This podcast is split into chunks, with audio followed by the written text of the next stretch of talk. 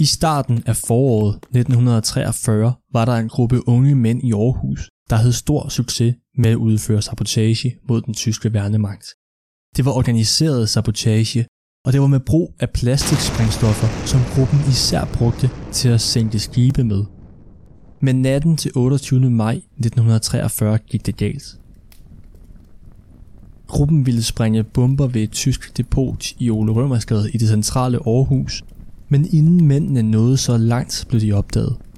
Der opstod skududveksling, og gruppens leder blev dræbt i direkte skudkamp med en marinevægter i tysk tjeneste. Kun 23 år blev Willy Schmidt.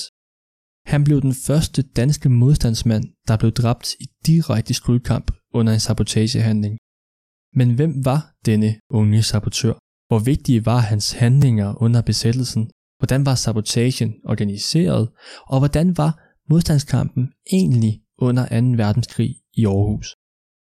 Jeg hedder Jonas Frede Hansen, jeg er journalist på Lokalavis Norhus, og så har jeg lavet en podcast-serie for at finde svar på disse spørgsmål.